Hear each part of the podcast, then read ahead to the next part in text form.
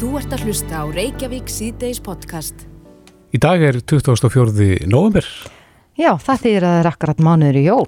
sléttur mánuður Mhm. og uh, nú er, má segja, jólaverslinni farnast að hún er farnast að fyrir svolítið síðan. Já, og nú er, er, er á föstudaginn eh, svartur föstudagur, eða Black Friday eins og þekkt er í bandaríkunum, en, en ég hef líka tekið eftir því að það er mikið af, af netverslunum sem er að bjóða upp og tilbúða bara hreinlega alla vikuna. Já, er að dreifa álæginu. Þannig að það eru eflust margir sem eru að huga að jólagjöfum um þessa myndir. Nú, uh, rannsóknarsetu verslunarinnar er hægt að fabulurum hver jólagjöfin í árir. Mm En við höfum kannski bara betri tóla tæki til þess að reyna að finna út af því. Einn stærsta verslun landsins með ráftæki og, og skemmtileg heit er, er Elko eh, sem er með mjög breyða vörulínu þannig að þeir ættu nú að geta séð svona nokkurn veginn þróunin í því. Akkurat. Á línunni er Aron Björn Haugsson, markastjóri Elko, kom til sæl. Já, komið þær. Getur þú spáð í spilin og, og sé fyrir hvað Íslendingar muni ætla að setja í jólapakkana í ár? Já, það kemur til með að vera svolítið fjölbreytt í ár og við erum að sjá að fólk er alltaf meira heima fyrir í ár og, og hérna vörur tengt af einhvers konar afþreyingu verða ofalega lista. Mm Uh, við erum að sjá vörur sem sagt bæði eins og segi tengt af afþreyingu, heilsu uh, og lífstíl verði ofalega en, en eldurstækin er náttúrulega alltaf vinsæl og koma til með að vera áfram vinsæl. Hvað er vinsælast þar? Uh, í ár er það fyrir þá sem eru komni með súvígræna sem var Jóra Gjásins fyrir svona 5 árum Mm þá er það elfræðirgræður sem er að koma sterkarinn. Er það loft staking?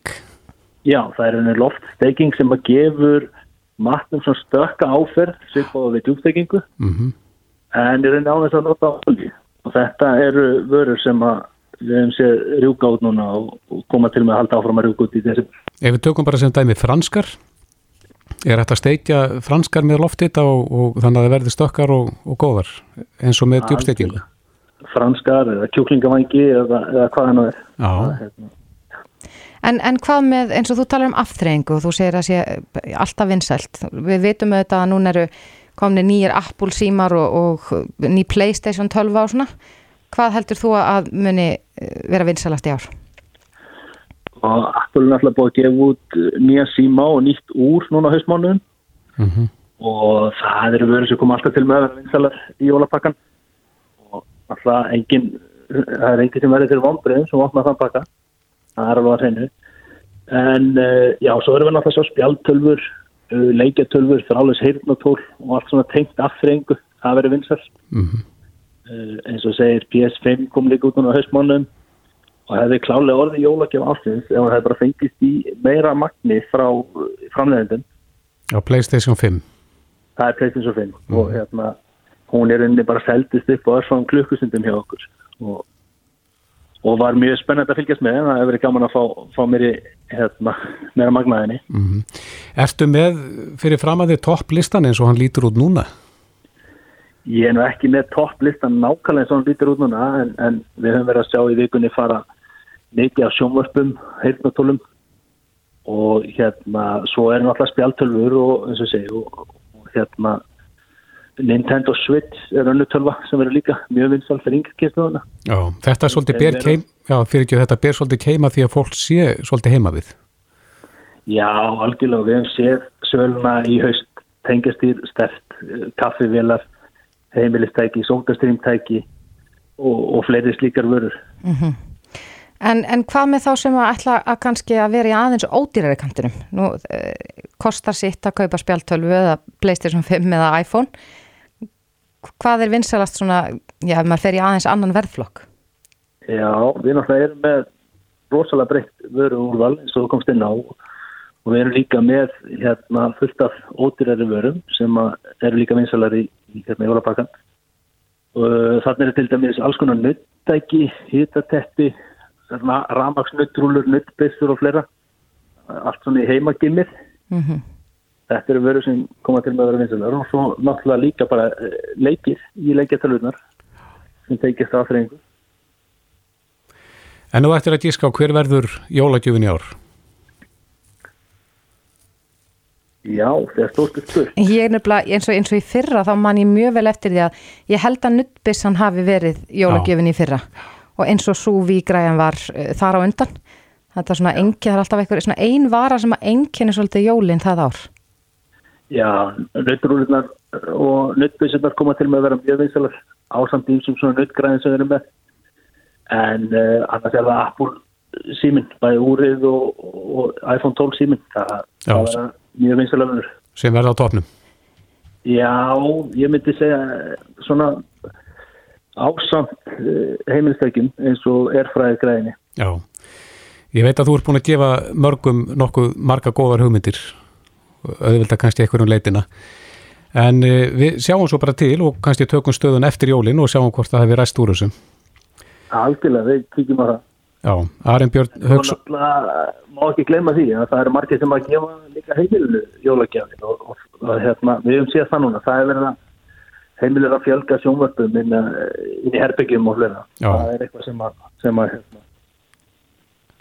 að- gefur sjálfur sér gjöf já, algjör, það má náttúrulega líka. Já, en hef, eitt kannski aðeins í blálógin hefur, hefur netverslun aukist mikið hjá okkur Hún hefur markvaldast á milli ára og við erum að sjá það núna í Black Friday vikunni og, og Singles Day sem var 11.11.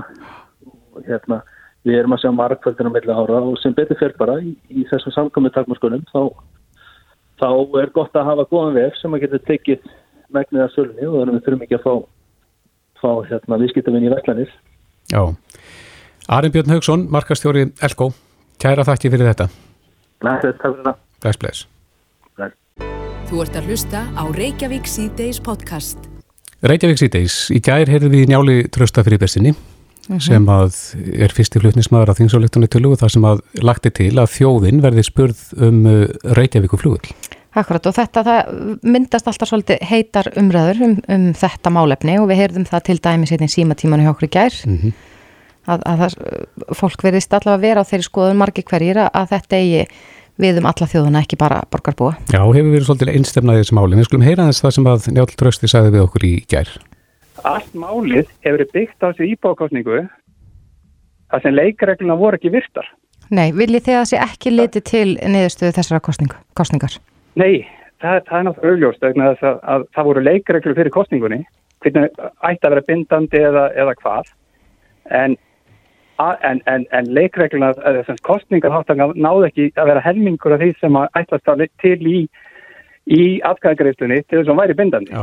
Þannig að það var tólka- var tólka allt þetta ferli í 20 ár út frá þessu kostningu þarna og sögufölsum sem verður bara er búin til í framhaldinu og þess vegna áhugavert nú að 20 árum setna að skoða raunverulega málið að, að það maður átt að sjá því fyrir ekki svo löngu síðan hvernig stendur í málinu Já. og þetta finnst mér raunverulega vera eitt, að, eitt allra áhugaverðast vegna þess að það var ári síðan sem að, að, að samið um, um hlýðarendalandi við, við valsmenn og, og allt þetta ferli sem hefur verið síðan í gangi. já, þetta sagði Njáll Trösti við okkur í gær. Akkurat. En Dagur er á línni, Dagur B. Eggertsson, borgarstjóri Reykjavíkur og já, við ætlum að, að svona, spyrja hann út í þessu orð, komdu sæl. Hva, hvað segir ef við byrjum á því sem að Njáll Trösti kom inn á þarna áðan að uh, það var ekki farið eftir leikreglunum til að byrja með?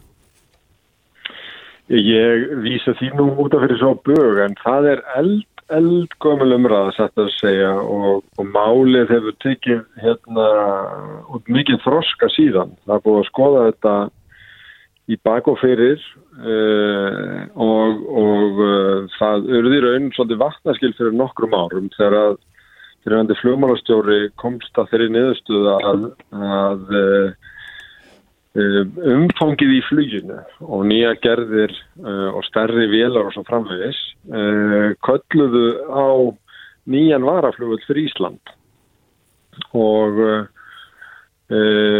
þannig að, að, að sko umræðan um Vasmíra flugvöld er núna í þeim farvegi, eða Reykjavík flugvöld að það eru allir líkil hagsmunæðilar komnir á þá niðurstu að þurfi stærri varaflugvöld og stærri hættur en rúmast í Vasmíri þannig að það verið að horfa til kvassarhauns og gera þar frekari veðfarsatúanir og ef að þær koma eins vel út og, og fyrri atúanar hafa bent til að þá er stefna sett á að gera nýjan innanlands og varaflugvöld þar sem er nöðsynleg ekki bara út af flugi heldur líka út af öryggismálum sem tengjast uh, alþjóðafluginu sem við vonum auðvitað að komist á, á skrið aftur eftir uh, að faraldurinn koronavirðin faraldurinn er gengin yfir. Mm -hmm. Maður heyrir það ofta af, af, frá fólki á landsbyðinni að hversu mikilvægt það er að hafa flugvillin nálagt landsbyðalunum út af sjúkraflugi. Hvernig sjáu þið fyrir ykkur að, að þetta verði leist ef að flugvillin verður í kvasarhraunni? Þetta er eitt af því sem hefur verið skoðað og, uh, og uh, sjúkraflug er, er blanda þyrluflugi og uh, flugi með flugvilum.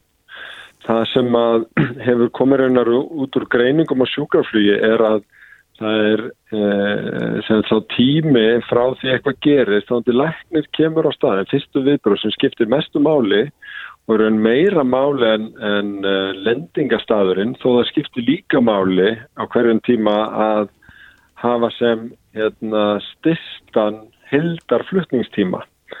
Núna er sjúkraflugi staðsett með miðstöðu á Akureyri og fyrir hluta landsins að þá hefur verið kallað eftir því, þetta með Suðurlandið, að það sé ekki nægilega gott. Þannig að það hefur verið tvær hugmyndur upp í því, annars verður að vera með sjúkravél staðsetta á Suðvesturhóttinu og gera tilrunni með sjúkraflug í þyrlum. Og heilbæðisáþar hefur tekið undir síðanumdu hérna, hugmyndin og sett það í einhverja, e, ferli.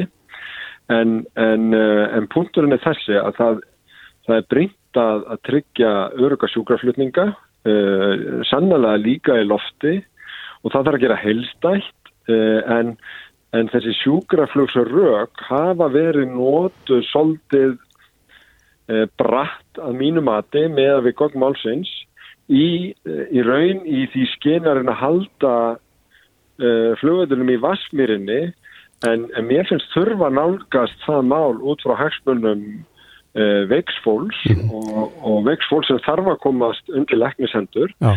en það er það svolítið merkilegt að það er svolítið sami hópurinn sem er að berjast fyrir því að landsbyttalins ég ekki við hringbröð og að flugvöldinu sé í Vasmírinni. En þú ert með öðrum orðum að segja dagur að sá tími sem það tekur að fara frá flugvöldinum að spítalanum að, að hann skipti ekki eins miklu máli eins og fólk vil vera að láta?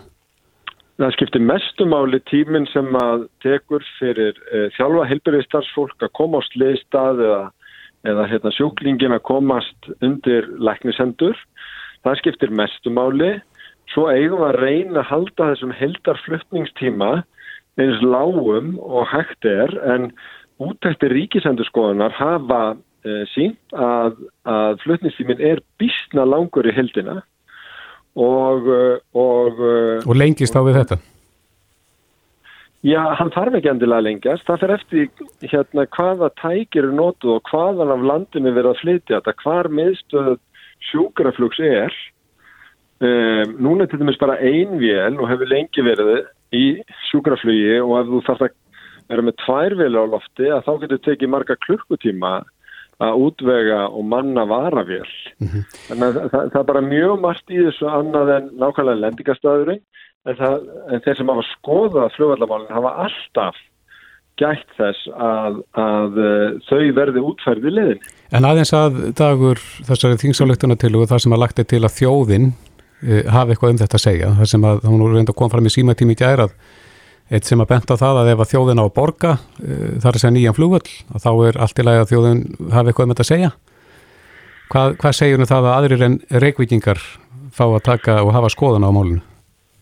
Ég, mér finnst sjálf að, að margir hafi skoðan á málunu en, en eh, ef það þarf að gera nýjan varaflugvöld og völdurinn í Vaskmjöli er á lítill til að sinna uh, hérna, því til, til langstíma litið að þá dýr nú valla mjög langt að, að fara í atkvæðagreyslu um vassmýrin. En að spyrja fólk bara um það einfallega hvort það vilja að völlunum verði fari eitthvað annað? Já, það hefur auðvitað verið gert í kostningunni innan borgarinnar. Já, en við erum að tala um all landi þá núna. Já, mér finnst þessi sko tillögugerð uh, á alþingi ítrekkað á nokkur samráðs við okkur fyrst og fremst vera til mæstum það að tiltekni þingmenn vilja merkja sér málið og, og teiknað upp sem mikið deilumál millir höfuborgar og landsbyðar. E, það er alls ekki sömu þingmenn og hafa sest yfir málið, e, kynnt þeirra vel og vilja finna lausnir út á raunverulegum þörfum flugs og fólks um all land. E, þannig að mér finnst þetta svona mjög upplöpskent og, og svona öðrum þræði vera stilt upp til þess að reyna að skapa einhverja í raun óþarfa gjá milli e, höfuborgarsvæðisins og landsbyðarinnar þegar að við eigum sameigilega og mikla hagsmun undir flugi, undir alþjóðaflugi, undir varaflugallamálum og umbúnaði innanlandsflugs og bestu og praktísku kostum í þessu og, og að þessu er unnið. Mm -hmm. en, en til að þess aðkvæðagæslu tengist í raun mjög lítið þeirri þróun sem hefur orðið í þessum flugvallamálum í mörg ár. Þetta er bara einhvern veginn eitthvað til það sem er endurflutt aftur og aftur á alþingi til þess að, að einhvern veginn reyna að búa til ykkur að gjá.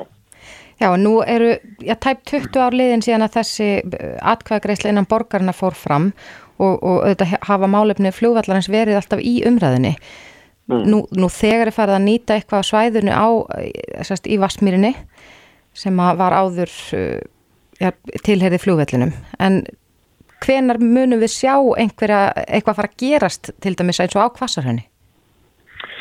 Eh, það er búið að setja núna upp uh, hérna frekari veðuratónar búna þar til þess að, að mæla áfram í vetur og það verður mjög áhugavert að sjá niðurstöður úr þeim mælingum um með eftir mitt næsta ár og, og ég held að þetta sé eins og í, í, í öðru að það þarf að bara byggja uh, stóra rákarnir sem eiga að dög okkur til langs tíma á bestu gognum það líka þegar fyrir sko, þjóðarslega ratónu sem sína að það er gríðarlega þjóðarslega hagkvæmt að, að völlunum flytti annað.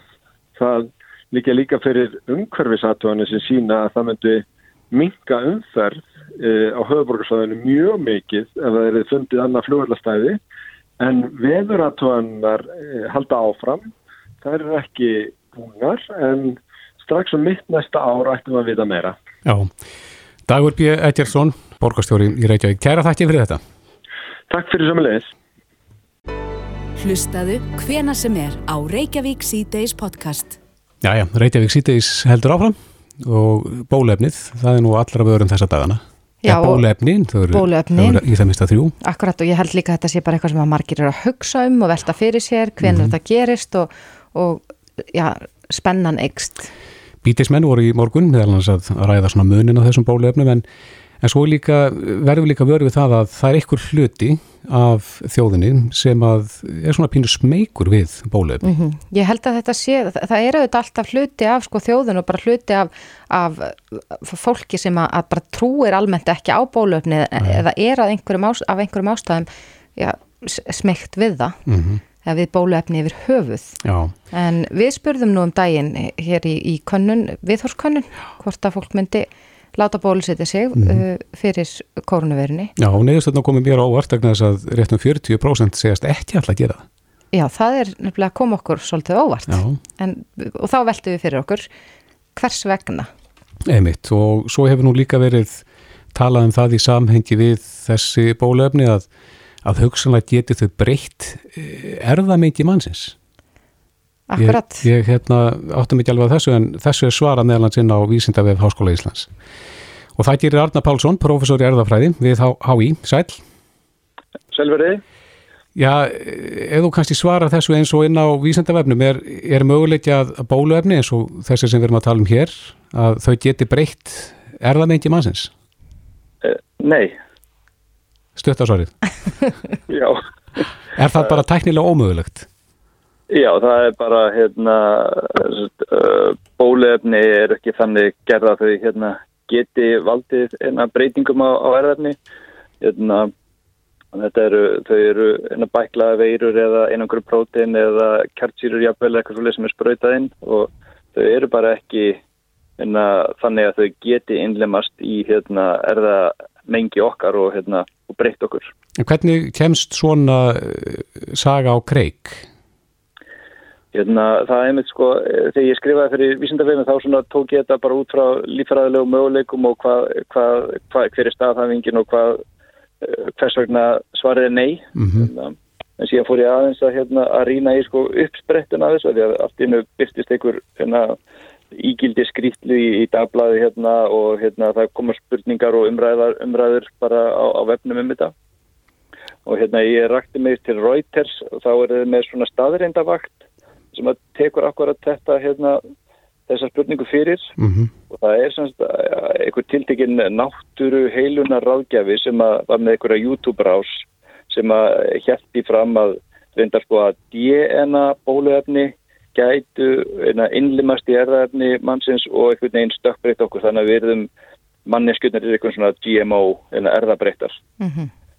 en hérna og síðan því ég rætti mig í gegnum sko en að Róið þess að vann þetta mjög vel en rauksendirna sem að, að sérfangin sem þeir töluðu með voru eilaða sömu og við komum með í hérna hérna í vísindavefnum, menn að þetta er bara ekki möguleik, ég vil hóta að bólefni væri á DNA formi, það voru bara þá er það ekki meirinn að mekaníka eða enginn kerfi til staða til þess að kvata innlimun þess í frumur og þessi ótti er bara algjörlega sko ekki á neinum raukstunningi byttur mm -hmm. eða byggður, heitir það vist. Já, þannig að, að raun og veru þá er eitthvað fólk þarna út í samfélaginu sem að, að, að tekur þessu sem að þú sagðir þessi náttúru heilunar ágjafi segir og já. dreifir því svo áfram. Já, já, já, menn þetta er svona eins og hlinnin er að ferðast núna, það er einhver segir eitthvað síðan það kemur í endursögn og endur endursögn og hérna og, og skólast til, menna í þessi tilfelli þá, þá er þetta eins og kannski margir náttúru heilunar ágjafar, þeir eru að pikka upp einhver svona, svona buzzwords hérna, og, hérna, og, og ræða það til þess að ræða fólk eða selja snákuhólíuna sína eða hvað sem er sem er í gangi sko. Menna, ég upphafi síðustu aldar þá, þá, þá var sko gíslavirkni heitasta stöfið sko Þannig, þá, þá selja krem með gíslavirkni og alls konar svoleiðis þá var gíslavirkni nýjasta nýtt í hérna vísindarsamfélaginu og, hérna, og þessar snáka og ólíu sölum menna eða fólk, menna þau, þau er alltaf að pikka upp aðal hugtökin sem er í gangi núna. Þannig að mm -hmm. allar svona, allur heilunar náttúru lækningabransin, hann mun allur snúa sér, að miklu leiti snúa sér að því að að fjallum veiruna og varðin gegn henni eða hræðslu við veiruna eða eitthvað svolítið. Einmitt. En það er líka annað sem að maður heyri þegar að bólefni er nefnt. Það er, eh, eru sögur af bólefni við svínaflensu sem að sem að ollu eh, því hjá einhverjum að þeir fundu fyrir síþreitu eftir að hafa tekið þetta bólöfni og, og það er mörgum árum síðar. Er það eitthvað sem þú kannast við? Ég, ég hef ekki lesið sko hérna, ítalað um svínaflensu bólöfni en bólöfni sem hafa verið þróið sko sem er í brúki skiptatugum sem hafa verið þróið skiptur þúsundum eða, eða tugþúsundum eða eitthvað slíkt og þau eru búin til til þess að virka. Þau þurfa að vera virk til þess að sko espa ónæmiskerfið og, og, og kenna því að læra á einhverja pest sem er alltaf miklu verri heldur en hérna, bólefni sjálft. Þegar við erum að verja okkur gagnast einhverju svakalegu eins og hérna, bólusótt eða dipteru eða einhverju svoleiðis. Mm -hmm. En þannig að það er alveg mögulegt í einhverju tilfellum hafi orðið til bóluefni sem að voru með aukaverkanir og kannski alvarlegar eða eitthvað svolítið en ég get ekki svari fyrir sko svínaflensu enna bólefni hversu alvarlegar aukaverkanirna voru þar en hérna en, en þá er það yfirleitt bara siktað út annarkort í, í, í fyrsta fasa eða ekki bara ljós að ákveðin gerð var einhvern veginn hérna með ykkur aukaverkanir. Þá er bara það tekið af markanum og það er bara útfært, útfært önnur útgáfa bólefni sem er hérna, sem skilar vörninni en ekki hérna, hefur ekki mögulegar aukaverkanir En finnst þér uh, eðlilegt að, að fólk sé kannski með varan á það sem að það er nú eitt reynsla af, af þessu bólöfn, ekki nema þá í þessum uh, þremur fösum hinga til en uh, skilur það að fólk vilja kannski býða aðeins og sjá hvaða áhrif þetta hefur? Já, menna það er náttúrulega fólk hefur algjörlega sko leiði til þess að bara ákveða hvað meðferð það fær í helbriðskerfunum. Við þurfum ekki að fá þessa skurða að gera í hérna meðferðina eða eitthvað svolítið svo alveg fullkomlega eðlunda fólk hérna hafi svona einhvern vara á sér. En mm -hmm. það er spurning síðan hversu hérna, raukstittur sá vari er. Menna, er hann, sprettur hann upp úr einhverju svona uh, nýjandar hilsu sölumennsku sem við vorum að tiltaka á þann eða er þetta bara svona eðlileg tortrygni. Menna það er náttúrulega alltaf einhver ákveðin prósenda í samfélaginu sem er bara tortryggin á læknisfræði hérna, og, og fræði yfir höfuð.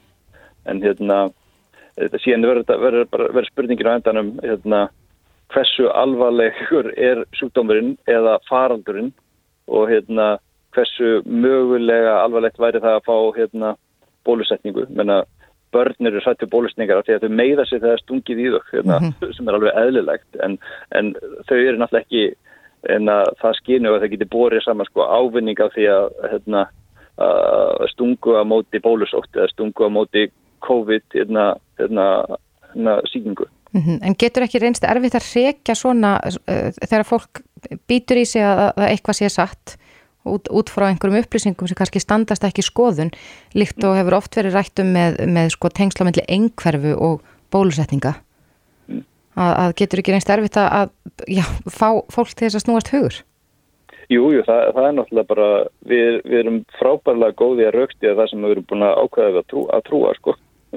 Þannig að, hérna, uh, og það, það sést líka, sko, bara í loftslagsmálum, þannig að ef þú afneitar, hérna, loftslagsfræðanum, þá, þá ertu staðfastari í afneiturinni því meira mentaður sem það ert, af því að, hérna, þú, er, þú getur raukstutt af floknari hátt, en það þýðir ekkit að, hérna, að ákvarðunin sé, sé eitthvað betri en fólk bara kemur floknari og hérna, einhvern veginn hérna, meira flúr í kringum ákvarðunina sína. Mm -hmm. Þetta er náttúrulega bara, svona, eitt, bara vand, vandamál sem að gengur yfir, yfir allt. Þegar við festumst, við bara uh, við ákveðum ákveðna hluti, trúum þeim og erum ekki tilbúin að sko, sjá mótrök eða endur skoða okkar afstöðu. Mm -hmm. Saman hvort það sé bóluefni eða lofstafsbreytingar eða lífstílsbreytingar vegna þess að við erum að ofnýta jörðina eða eitthvað slíkt. Akkurat.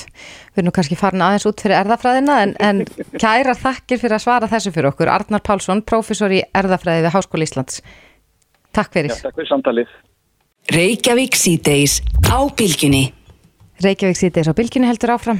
Ég sé hérna á vísi.is og, og þeir sem hafa nú kannski verið að fylgjast með veðrinu vita að það er ekkit endilega svo bjartir tímar framöndan. Nei. En uh, það verður allavega ekkit ferðaveður næstu dag, skilt mér. Nei, það er svona alltaf blikur á lofti þegar það kemur hugleðing frá veðufræðingi. Það er Já. svona ávísun á vesen. Akkurat.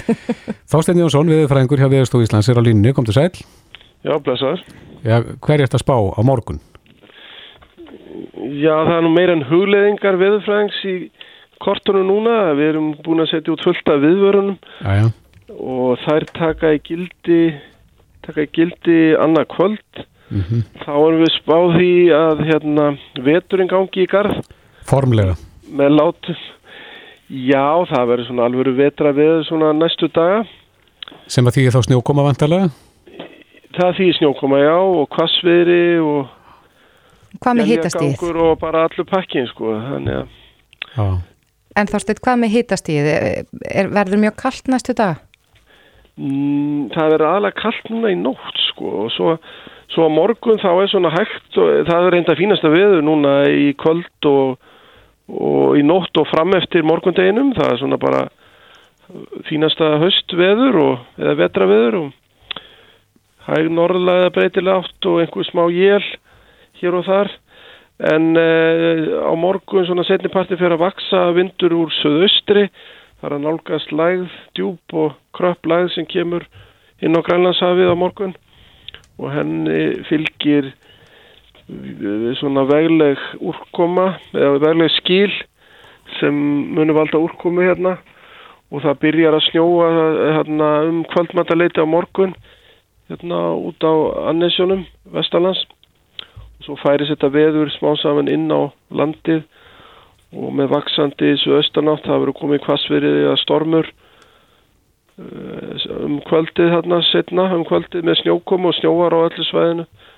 Já, hvaða svæði hérna í það segir borginni, það er sem sagt alveg frá e, bara frá vógunum og, og norður á í, í, hérna norður á Húnaflóa sko, mm Mhm. vesturhluti landsins. Og við erum að vara við aðlega hérna farið getur spils mjög fljótt á fjallvegunum, þá erum við að tala um hérna þrengslinn og, og hérna helliseiðina, snæfisnesið og holtavöru heiði, lagsáttaseiði og, og hérna vestfyrirna. Hvaða tímapunkt eru að tala um þarna þannig að fólk getur nú kannski haft vaðið fyrir neða sig? Já, hvað er að segja svona að þetta fyrir að ganga í garð svona upp úr kvöldmataleiti 19.20 á, á morgun og svo um svona 8-9 leiti er, er komið hansi kvast og, og blind víða Mm og þetta stendur allt kvöldið á morgun alveg fram á nóttina sko en það sem gerist er að það er smá saman að hlína á morgun með þessu kvassviðri og snjókominni þannig að snjóri fer svona smátt og smátt yfir í slittu og síðan rigningu á lálendi svona um og, og í kringum miðnætti. Mm, þannig að við meðum búist því að verði nokkuð hált þarna á, á fymtudaginn. Já, á fymtagsmorni, já, væntalega. Eða, eða þá að sko, eða það verður náttúrulega bara hált á með það er svona að fara í úr, úr, úr, úr frostinu og yfir í, í rigninguna og hérna það mun, mun rigna daldi um, um morgunin hérna, fymtagsmorgunin um tíma meðan skilin að ganga yfir svo hérna lægi nú heldur og, og, og, og létti til en á, á móti kemur að það rignir talsveit á söðustu hlutalandsins á 50. morgni mm -hmm. og þetta er bara skilin frá þessari djúbulað sem er að fikra sig austur við landi en í kjölferðarið á, á skilunum kemur síðan hérna suðvestan kvellur með stífrið suðvestanátt stormi, jafnveg róki og dimmum og svona efnismiklum jæljum. Hvena gerist það? Það er að gerast um, um og upp úr hádegi á já. Og við erum líka búin að setja út viðvaran út af þessum jæljagangi sem þá er að koma. Þannig að þetta er mjög svona vetralegt svona næstu dagana, sko, alveg fram á helgina.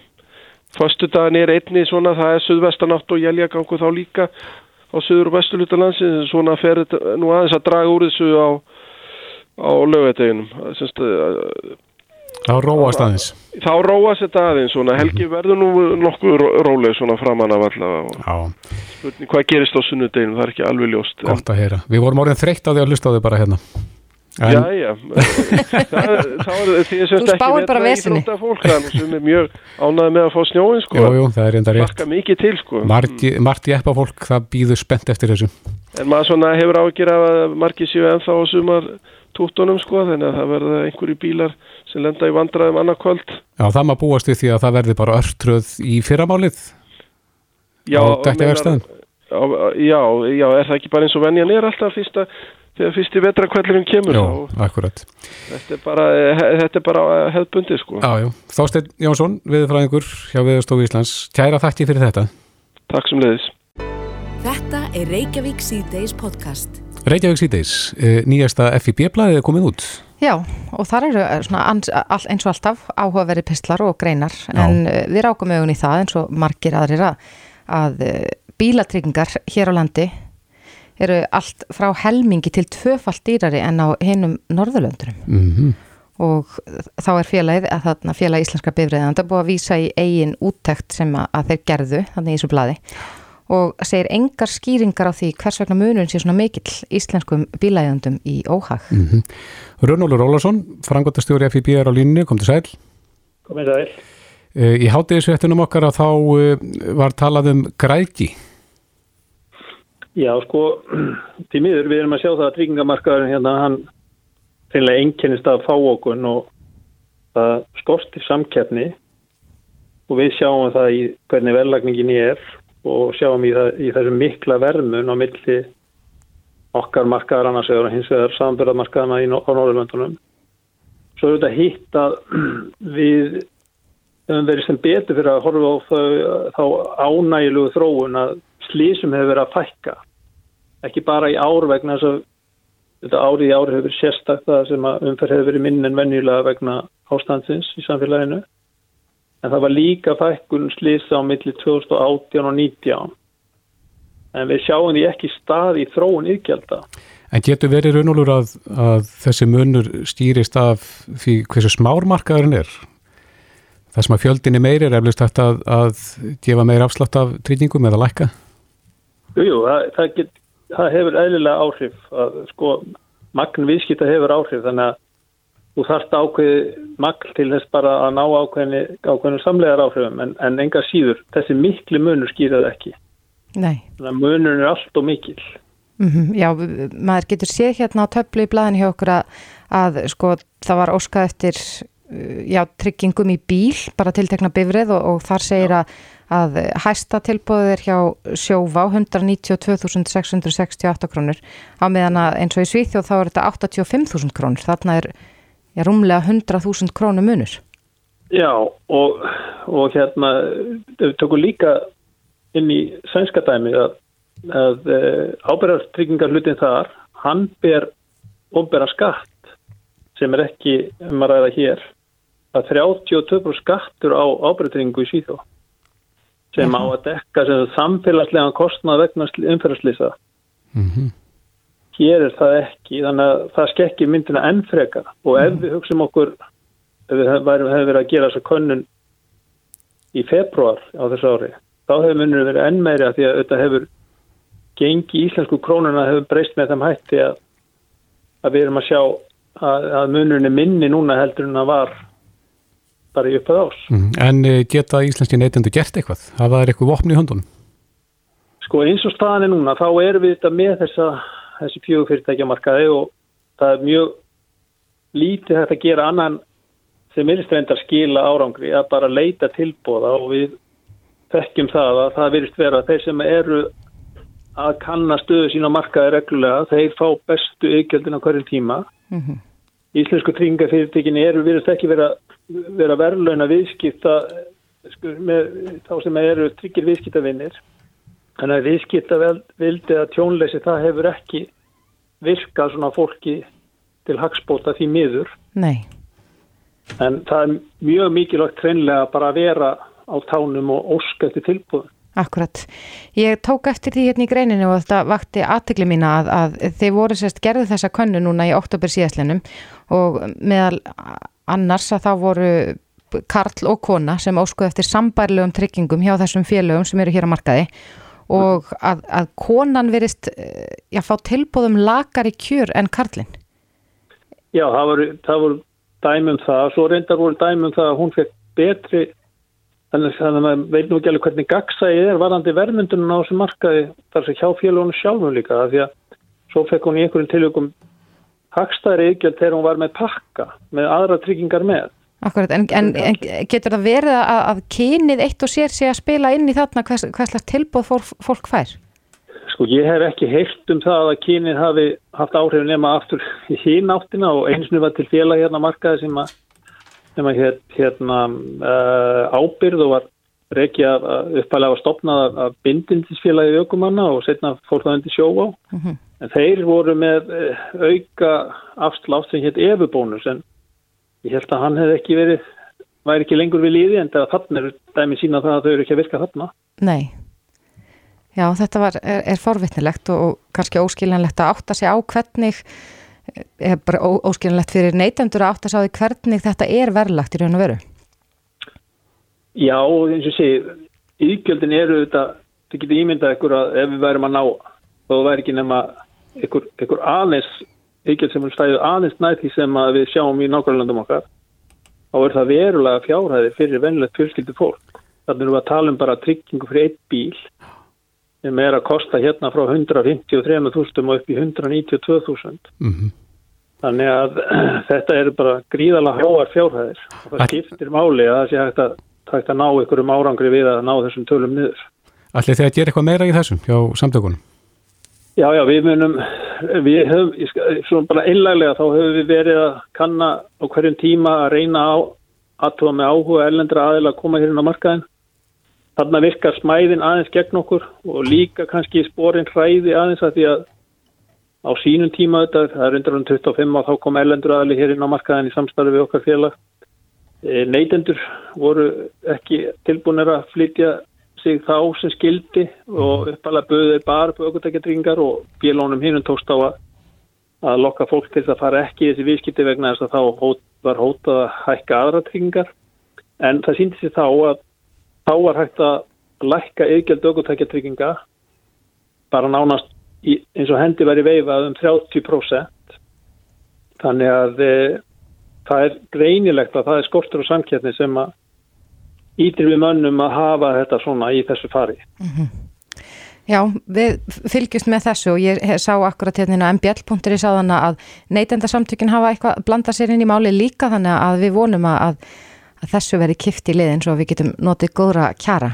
Já, alveg ljóst að þetta er mjög stórt neytendamál og, og það er okkar krafa að þessi félög taki til í sínu ranni og bjóði neytendum upp á kjör sem er aðeins nær því sem þekkst í nákvæmlega Já, Runólfur Ólásson, framkvæmdastjóri FIB, kæra þakki fyrir þetta. Með takk. Reykjavík síðdeis á Bilginni podcast. Reykjavík síðdeis á Bilginni. Við hefum nú svolítið verið að ræða fjármál og, og bókaldið. Ég tala nú ekki um heimilisbókaldið. Akkurat. Vegna þess að vextir er í sögulegu lágmarki á Íslandi sem er mjög gott fyrir margar hlutarsækir. Já, það er hagstaðar að taka lán núna og Já. svo eru þeir, en þeir sem að sko eiga mikið af peningum sem þeir geima í ykkurum hirslum hér og Mhm, þar, Já, um, eru ekki kannski að fá eins mikið fyrir eins mikla vexti, eins mikla ávöxtun Nei, að þeir leggja inn á banka eins og var áður. einmitt. Og það er spurning hvað maður á að gera við allar þessa peninga. Já, akkurat. E, við rættum hérna við Sælabankastjórnum daginn og spurðum að meðalans hvort að fólk og Íslendingar ætti að vera döglegri að fjárfesta í hlutabrifin til dæmis. Mm Nú ríkari hefð fyrir því í öðrum löndum eins og til dæmis í, í bandaríkjónum. Akkurat. Það sem að fólk fjárfestir í hlutabrifum og svona notar það síðan sem uh, elli lífiri. Já, en þetta er sko eins og frá mínum bæðurum séð, þá finnst Mhm. mér þetta flókið. Ég er ekki svona áhættu sækjan manneski þannig að ég myndi ekki þóra að bara setja öll ekkin mín í sömu körfu Nei, nei. á einhverjum stað. En þá er hugsanlegt að dreifa þeim bara með fjárfestingum í mismöndi fyrirtækjum. En spyrjum sérfræðingin í þessu, Gilvi Sóega, hagfræði profesor og nefndamaður í peningastefnu nefnd Sælabankans er á línu, kom til sæl. Já, særverið þið. Já, hvað segir þú Gilvi? Er, er uh, sniðugt að huga þessu svona sérstaklega á þessum tímum þar sem að vextir eru svona lágir? Um, sko, einfalda svarið er það að vextir eru svona lágir um, meðal annars og aðalega til þess að fá fólk til þess að eyða. Það uh, markmiðið með svo lágu vöxtum er að örfa eftirspurnin innanlands Mm -hmm. Svo að fyrirtækin selji sem mest svo að sem flestir haldi vinnunni þessa mánuði sem að óskup standi yfir. Já, og það tókst í sumar í sumar eh, þegar að eh, farsóttin hafi gengið niður þá var gríðarlega Ísla, Íslendinga á Íslandi í júni og júli um, og þannig að maður sér það af kortanátkun og hlutar af þessu hagkerfi eh, má segja hafi blómstrað þessi að það gekk betur í eins og verslunar þjónustu heldur en hafi gengið sumrina undan Mhm.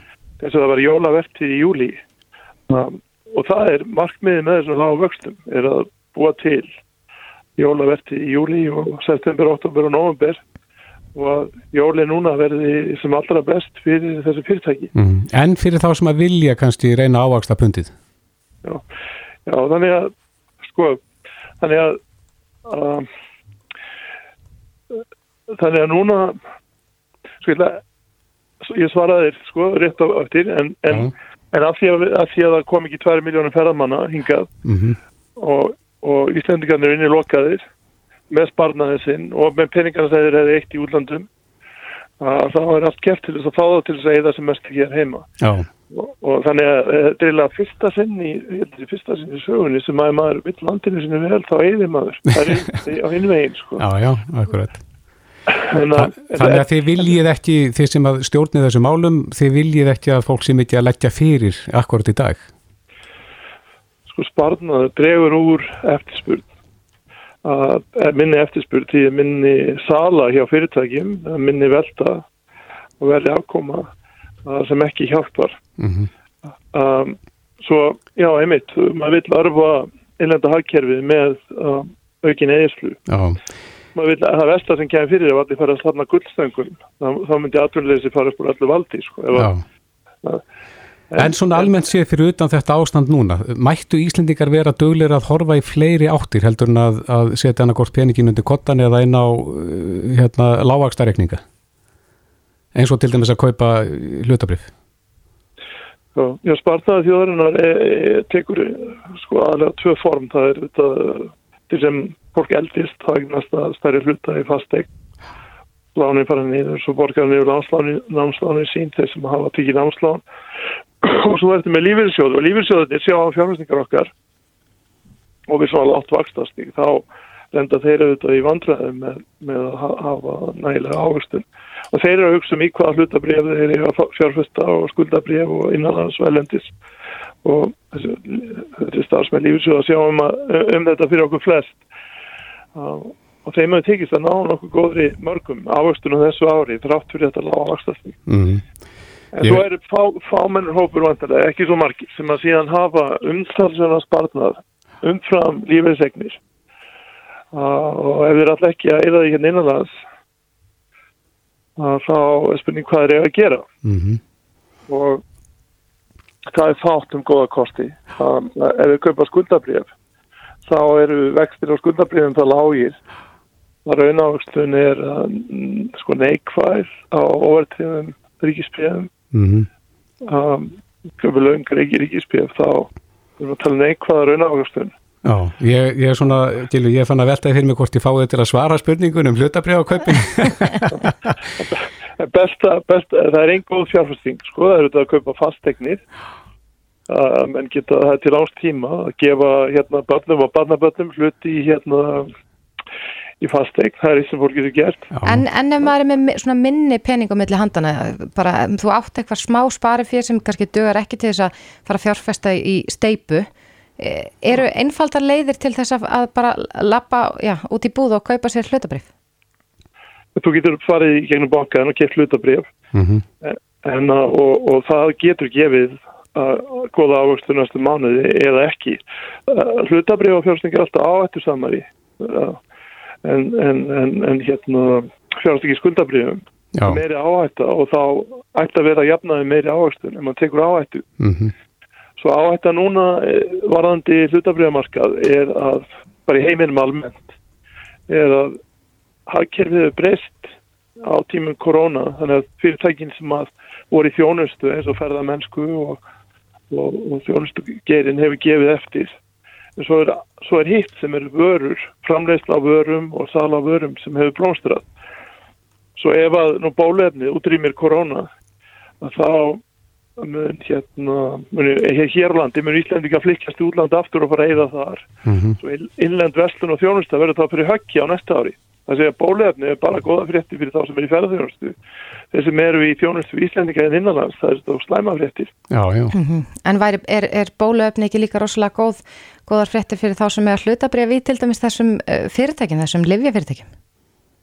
í lega fyrirtækjum jú, og svo fremur sem að auðvitað ekki eftir að þeir eru búin að finna og þetta eru ofinbæra upplýsingar en ef þú, þú getur veðjað á að bólefni er því samþýgt þá ef þú veðjað rétt þá hagnastu Já, þú ert orðin eiginlega orðin að setna að kaupa í þeim fyrirtæki núna. Já. Já. Svo, og svo varðandi í ferðarþjónustuna er- það er spurning sko hvað gerist eftir að ástandi verður allt aftur eðlilegt munu Íslendingar ferðast, eins mikið til útlanda munu ferðamenn, elendi ferðamenn koma hingað í sama fjölda og áður og, og maður getur spekulerað sko og svo verið að fjárfesta á hlutabriðamarkað í, í fyrirtæki sem tengjast ferðarþjónustu eða fastegna félögum að þá maður að taka veðmál. Mm það hvernig hagkerri verður eftir, eftir korona og COVID er búið um, þetta er alltaf auðvitað áhætta.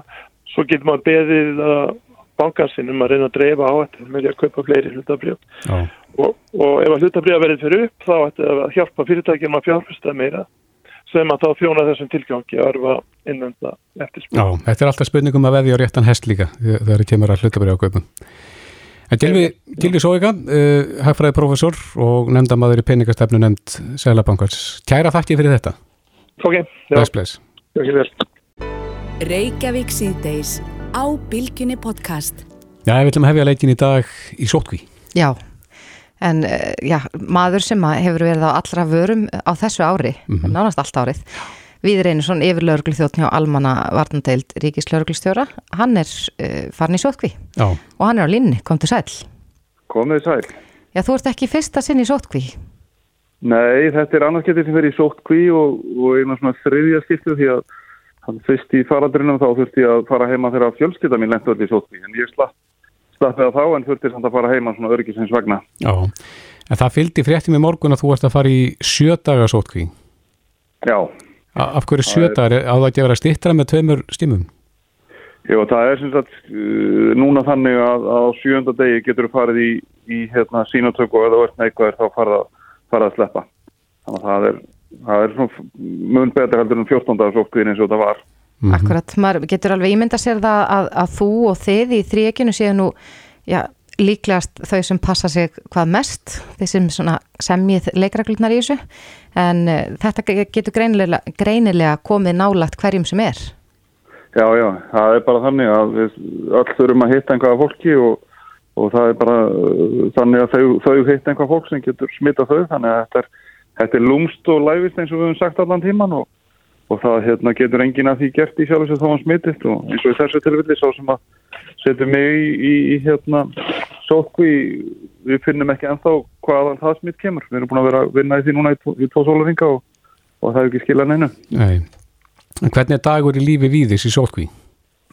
Herði, hann er nú svona bara mjög líkur því sem er á skrifstofunni. Það er, það nú bara þannig að þegar þetta kom upp í gæra þá gerir ég ráðstafanum að fá hérna í uh, hóteli sem ég er í sótkví að fá vinnuborð og skjái og tálubúnaði minn og ég er bara búin að setja skrifstofunum mín upp hér og, og þannig að þetta er eins og svo margt og eins og hjá margum öðrum en þetta er svo rosalega mikið unnið í fjárfundum. Ég held að ég búið með sex tímsfundi í dag og tveir eftir.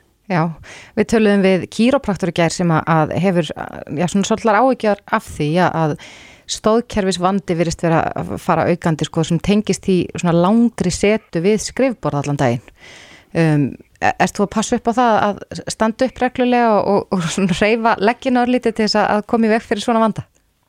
Já, ég gerir það sko að að stendur reglu og ég er nú svo heppin að skrifbórum mitt er líka stillanir þannig að ég get staðið við það. Það er nú samt komið ekki veg fyrir það. Ég fekk í baki um daginn og var nú slæmur í nokkra daga en miklu betri núna en, en maður þarf einmitt að passa sig að gleyma sér ekki í setunni og hreyfa sér reglulega og, hérna, Mhm. passa sig að standa upp og ná fyrir að drekka og svona, það bara hjálpar mikið til. Já, þannig að þú ert bara í fjárvin í dag en, en, en að fara út í göngutúr og annað slíkt. Er það ekki leifilegt í sótkví? Jú, ég má það sko ef að ég get passað að hitt ekki neitt annan það er nú svona pínu erfitt í kringum, kringum þegar maður er á svona sótkvæður hóteli þannig að ég var aðeins að sjá til bara í, í kvöld ég, ég, mér langar mikið að fara út og fá mér aðeins vest loft en ég átti að skoða betur aðeins aðstæðuna hvernig það er hérna Þú ert nú í göngufæri við öskulíðina, ekki satt? Ég held ég að við lesið á vísi.is að þú ert stattur nýri uh, á Reykjavík Natúra hótelinu, ekki satt? Jú, jú, og, og hérna þannig að það er stutt í, stutt í göngustíð og, og eins og segja svona maður býður kannski fram á kvöldi þannig að sé nú ekki enginn á ferðinni þannig að maður sé nú ekki að rekast á einhvern óþurfu en, en það er svona, það er stefnan að reyna að gera það í kvöld. Færðu frið þegar þú ert út á meðal almennings? Já, já, já, ég er bara, ég er náttúrulega, ég er svo lítið, ég, ég hef ekki farið í búð held ég í, í fjóra mánuði og, og hérna, þannig að þetta lendir nú alltaf á fjölskyldinni að, að sjá um all aðfeng fyrir heimilið, ég, ég er bara í vinnunni og, og heima. Já, er það bara sögum annað eða er það til þess að, að já, vernda sjálfan þig? Það er bæði, það er náttúrulega bæði, maður- maður vinnur mjög langa vinnudaga og, og, og svo hitt er bara, maður er búin að draga svo mikið úr því hverju maður hittir til þess að, til þess að passa sig betur, og líka sína, sína búblu mjög mikið eins og maður segir. Mm. Eitt kannski aðeins uh, út fyrir þetta en, en það hefur verið kvartað undan því að það sé svona misræmi í því hversu margir með að vera inn í vestlunum og þau fer eftir gerð vestlan og annað slíkt. Uh, það er talað um bíkó og síðan bónus, uh, allt annað fjöldi sem að vera á mismunandi stærðir á þessum vestlunum. Tekur undir það að, að það er ekki gott þegar að fólk sér svona misræmi. Já, þetta er svo sem eins og þetta er búið að vera allan tíman að maturöðslanir hafa fengið að vera með fleiri inni þegar hafa verið takmarkanir á annar borð. Þetta er eitt af því sem við erum að skoða og við skoðum að mitt bara á, á fundi í gæri við Þórólur að fara yfir, yfir þetta, hvernig, hvernig svona í næstu breytingu, hvernig var þetta nálgast, Mm nálgast þetta til þess að reyna að ringa til. Það er eitt af því sem við verðum að skoða í, í komandi tilugum. Já, en þegar menn sjá svona misræmi strax, er, getur kerfi ekki verið sveigjanlegra þar að segja að það sé hægt að bregðast við fyrr heldur en að vera að býða út hennan tíma? Já, má, máli var einfallega það að viðmiði var þetta sem að er sett upp sem tíu en það var ákveð að gera einu undartekninguna vegna matur og lifaðslana vegna þess að það, það var einhvað sem enginn getur verið án. -hmm. En nú þetta höfum var við, bara út, út frá því að þetta var einhverju það sem var talið lífsnauðsynlegt að, að hafa umfram það sem að gildir annars staðar. já, en nú eh, hefur verið bent á það til dæmis eins og inn í verslunarmiðstöðum, fólk er byrjað að versla jólagjafir að það myndist mjög langar raðir fyrir utan verslanir, er ekki, já, má ekki segja þessi jafn mikil, mikla líkur á að þú smitist í röðinni eins og að smitast inn í verslunum? Það er erfitt að segja til og við höfum fengið talsett mikið að myndum sendt til okkar af rauðunum sem hafa verið bara mjög vel útfarðar. Marga vestlarni hafa farið það að merkja á veggina fyrir utan hjá sér eins og sá hjá Elko held ég að verið og þannig að menn hafa passað upp á það að halda góður í fjallag og annað en, en það eru þetta það sem við erum að reyna að forðast að, að mikið fólki komið saman og, og, og þess vegna er þetta samkominbann mm. -hmm. en það við gildi. En En það- þetta, þetta gæti breyst núna, við sjáum aðeins til núna þegar líður í vikuna, þá sjáum við betur hvaða, hættum að verður í gildi. Já, en það sem að er grímustíld eins og til dæmis inn í þessum vestluna miðstöðum, á ekki annað að gilda um það, þar að segja þegar allir eru með grímu? Nei, það er bara þetta almenna samkomban upp á tíu sem er grunnurinn og svo var, svo segi, var fyrir maturöfasturinn og var leift að fara upp í 50.